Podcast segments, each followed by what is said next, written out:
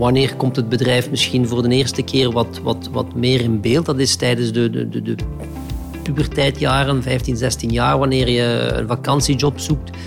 En dat hebben we dan ook inderdaad alle twee gedaan in het bedrijf.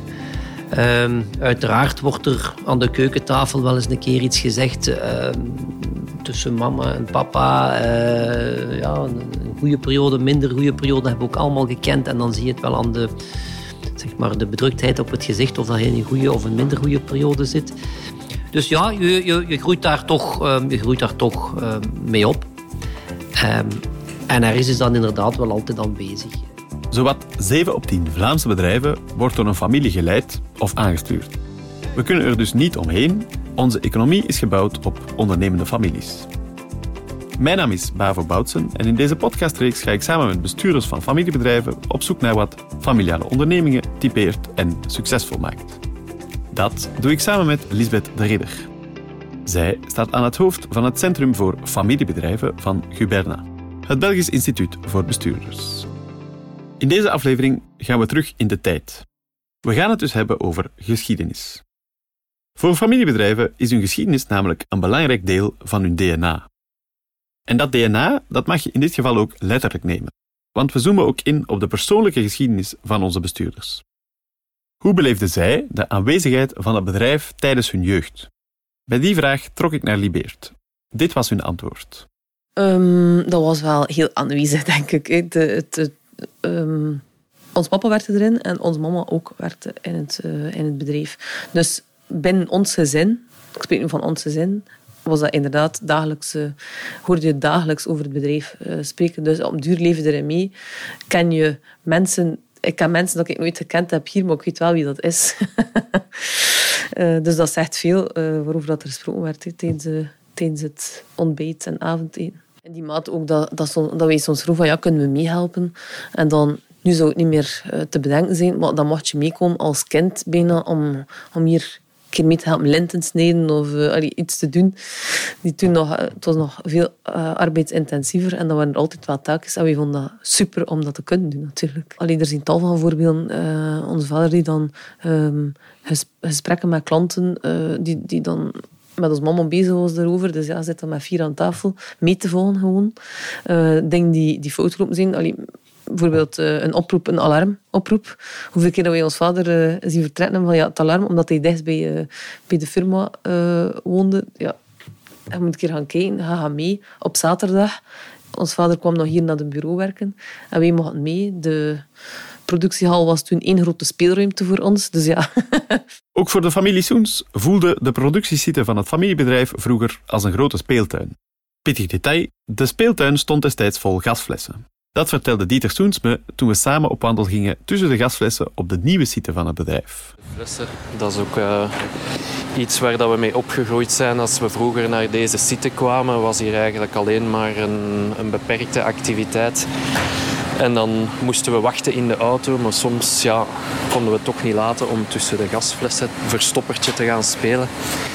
Wanneer ik diezelfde Dieter een uurtje daarvoor in een galmende vergaderruimte had gevraagd naar anekdotes uit zijn jeugd, dacht hij in eerste instantie nogthans in een andere richting.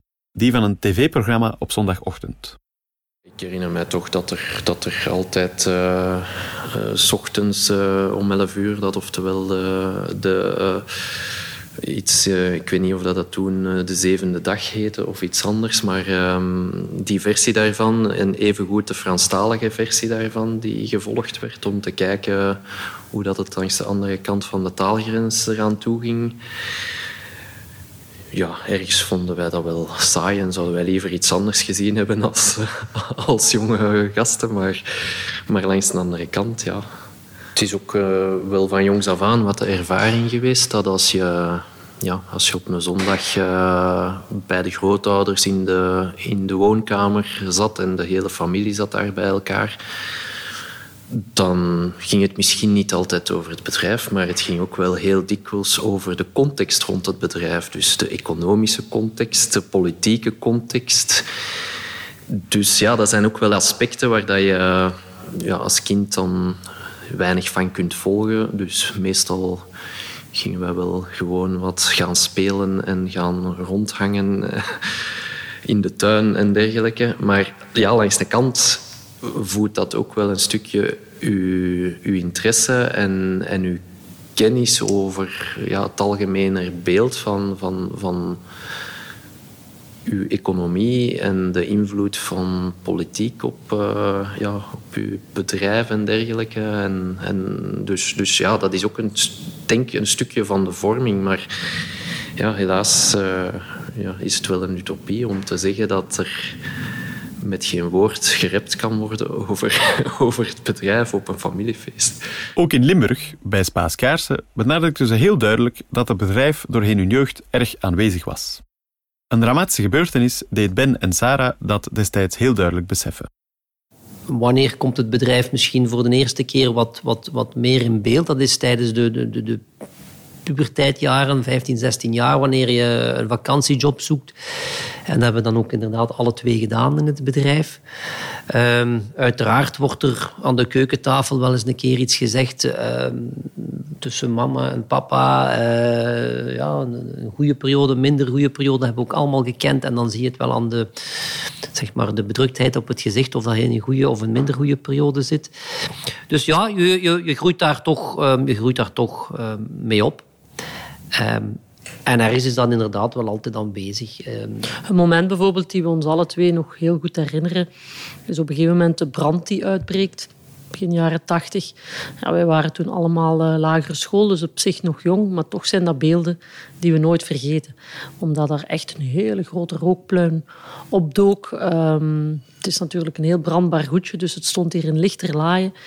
Um, ja, en men had echt wel schrik dat het zou overwaaien op andere panden. Dus er werd met man en macht geblust. En dat zijn zowel van die momenten die we als kind nooit vergeten, omdat voor onze ouders was dat een, een zeer penibele situatie. Um, mensen ook hier die daar allemaal schrik hadden voor hun job. Um, dus ja, dat is wel zoiets dat je dan wel voelt van oké, het is meer dan alleen maar een fabriek. Het is ook een fabriek die, waar mensen alle dagen naar, naar hun werk komen en, en die nu in één keer in as ligt. Dus ja, dan, dan besef je van... Um, het bedrijf is nooit ver weg geweest. Hè? Dat zo'n ingrijpende gebeurtenis als een fabrieksbrand centraal staat in de herinnering, is zeker geen toeval. De veerkracht die onbewust voorkomt uit deze momenten, wordt door familiebedrijven heel vaak aangegrepen als een opportuniteit om de onderneming sterker te maken. En dus om aan hun governance te werken. Maar goed, tijd voor wat meer jeugdsentiment. Want net als broer en zus Spaas vertelden ook Claudia en Joost Callas, de bestuurders van de Camino-groep, dat het bouwbedrijf altijd erg aanwezig was geweest doorheen hun jeugd. Het was, het was wel aanwezig. Hè. En ons vader heeft altijd veel gewerkt. En we hebben ook vakantiejob uh, gedaan in de Keikoningen. En altijd mee geweest naar Battibouw en naar alle beurzen. Dus het is niet zo dat het... Of mee geweest in het verre Wallonië een verkoper gaan bezoeken. het was niet ver van ons bed, voor alle duidelijkheid. En dat ondernemerschap, denk ik, zit ook in ons. Dus uh, in ieder geval, het was mijn brandende ambitie om te ondernemen. Ik zag mezelf niet... Uh, in een, in een rol, Hans mijn leven, uh, werken voor andere mensen. Nee, ik zag me echt wel in ja, ondernemen, nieuwe dingen, nieuwe initiatieven. Joost was trouwens lang niet de enige die overtuigd is dat telgen van familiebedrijven toch een bepaald soort DNA in zich dragen. Ja, dat krijg je wel mee van thuis. En, ik denk, en niet alleen van mijn vader, maar ook van mijn moeder, die dan een bakkersdochter is.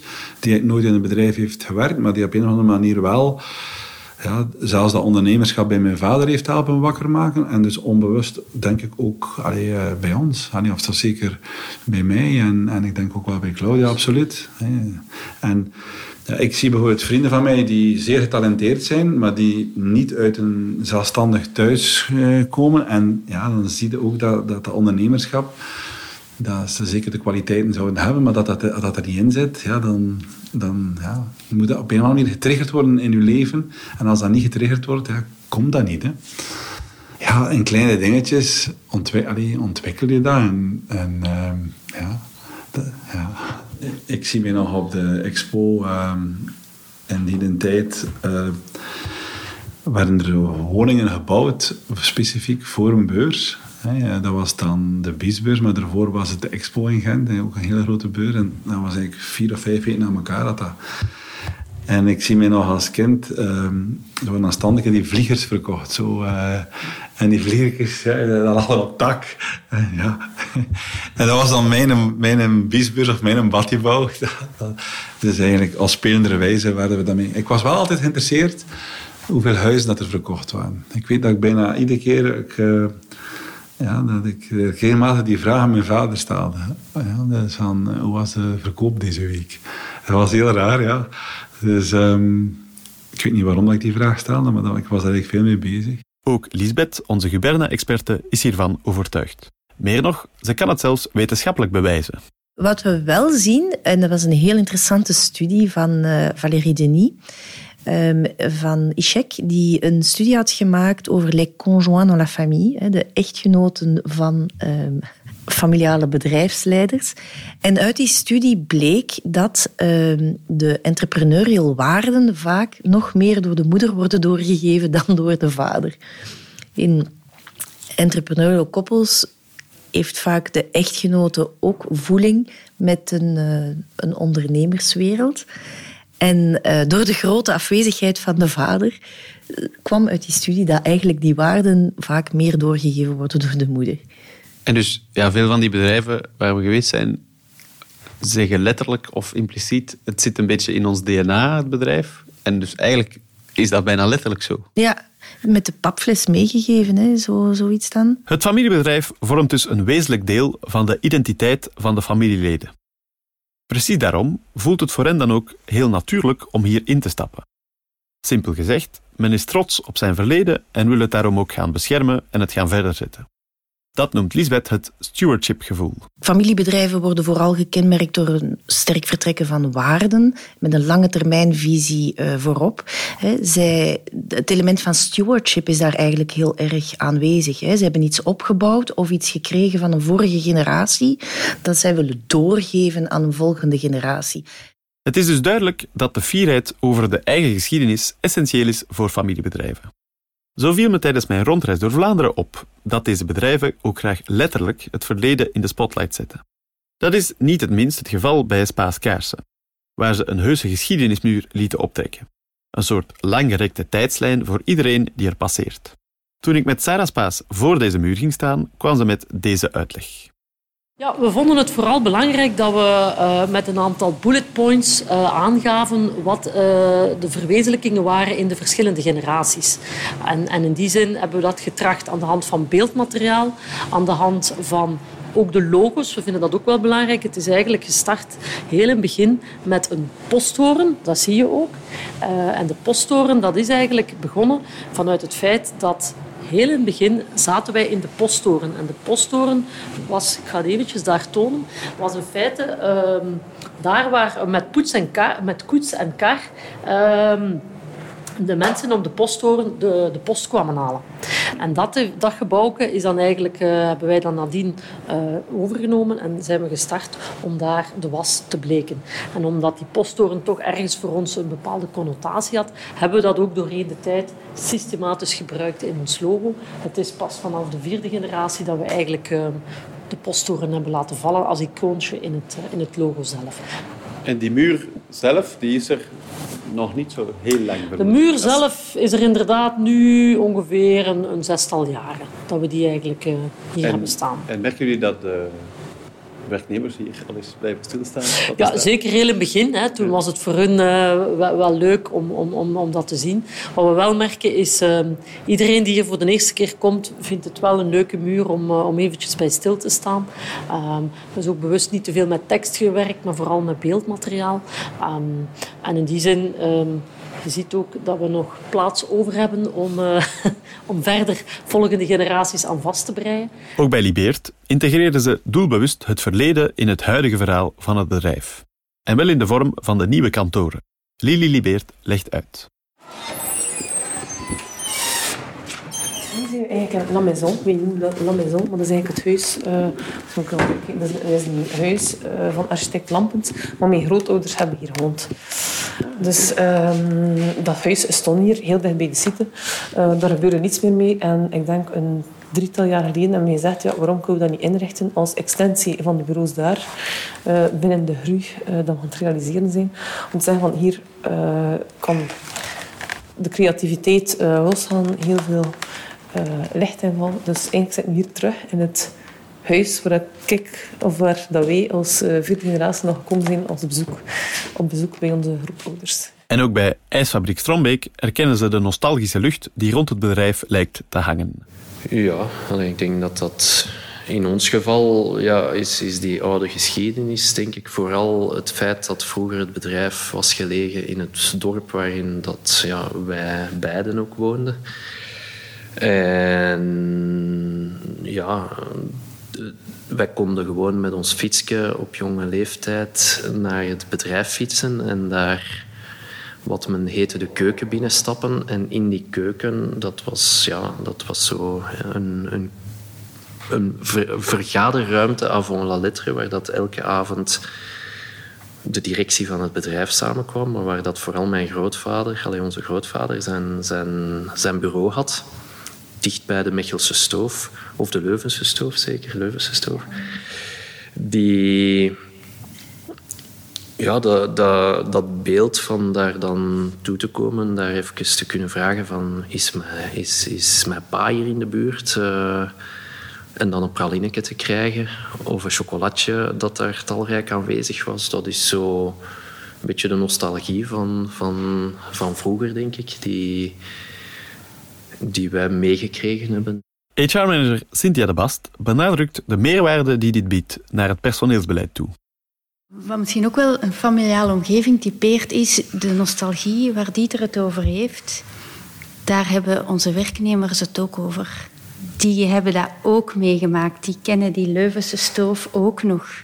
Die, daar spreekt men nog over. En dat, is misschien, dat typeert misschien wel een familiale omgeving. Ja, die, die, mensen die hebben inderdaad ons daar weten toekomen met ons fietsje en daar... Uh, ja, regelmatig uh, ons, ons daar begeven door de, door de burelen om ergens in een bureau onze paad te weten, te weten zitten. En ja, dat, dat, hoort je dan natuurlijk na verloop van tijd, die, als je hier aan het werk bent, van goh, ik heb u nog gekend als je zo ketje waard, zo en dat zie je natuurlijk nu ook. Uh, mijn, ja, mijn kinderen komen dan ook af en toe eens mee, uh, willen snilles naar een, ja, een, een activiteit in het weekend. Of een, ja, een keer een afterwork drink waar dat ik geen babysit voor gevonden heb. En ja, dan, dan hoort je dat ook af en toe een keer vallen. Dat is, pas op wat je daartegen zegt, want dat is onze toekomstige baas. Hè. Dus dat geeft ook aan dat die mensen ook niet van plan zijn om, om morgen de, de, het bedrijf te gaan verlaten voor andere dingen. En dat zij hun eigen hier ook wel lange tijd nog zien, zien werken in het bedrijf. Maar ik geloof niet dat je de dag van vandaag nostalgie kan gaan verkopen en je bedrijf op die manier kan gaan, uh, gaan, gaan, gaan uit.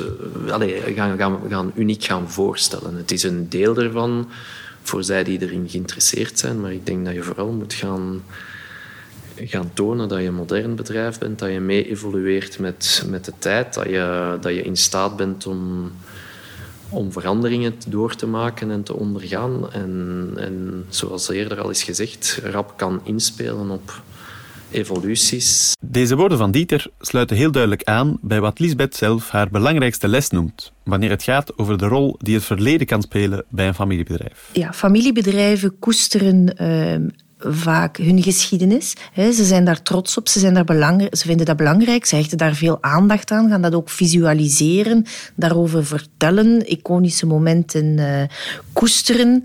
Foto's aan de muur hangen, een boek uitgeven na x aantal jaar. Uh, maar tegelijkertijd zien we dat ze altijd ook wel met innovatie uh, bezig zijn. Altijd het vernieuwende. Vandaar dat je eigenlijk familiebedrijven kan zien als, als organisaties die tegelijkertijd een beetje een museum zijn, maar zeker ook een laboratorium. Familiebedrijven zijn dus een beetje musea, maar evengoed zijn het ook laboratoria. Ze dragen, vaak heel zichtbaar, de sporen van het verleden, maar zijn het daarom goed gewapend voor de toekomst. Crisisse of ingrijpende gebeurtenissen spelen in dat verleden vaak een sleutelrol. Als deeltjesversneller voor verandering en innovatie. En ze leiden ook tot meer aandacht voor een degelijke governance. Dichter bij de kern van wat het betekent om een familiebedrijf te zijn, zal ik allicht moeilijk komen. Dit was de vierde en meteen ook de laatste aflevering van Family Business. Mijn naam is Bavo Boutsen en deze reeks is een productie van The Content Company in samenwerking met Guberna. Wie zich verder wil verdiepen in familiebedrijven, kan de andere afleveringen van deze reeks beluisteren of uiteraard ook gewoon eens gaan surfen naar guberna.be. Bedankt voor het luisteren en graag tot een volgende keer.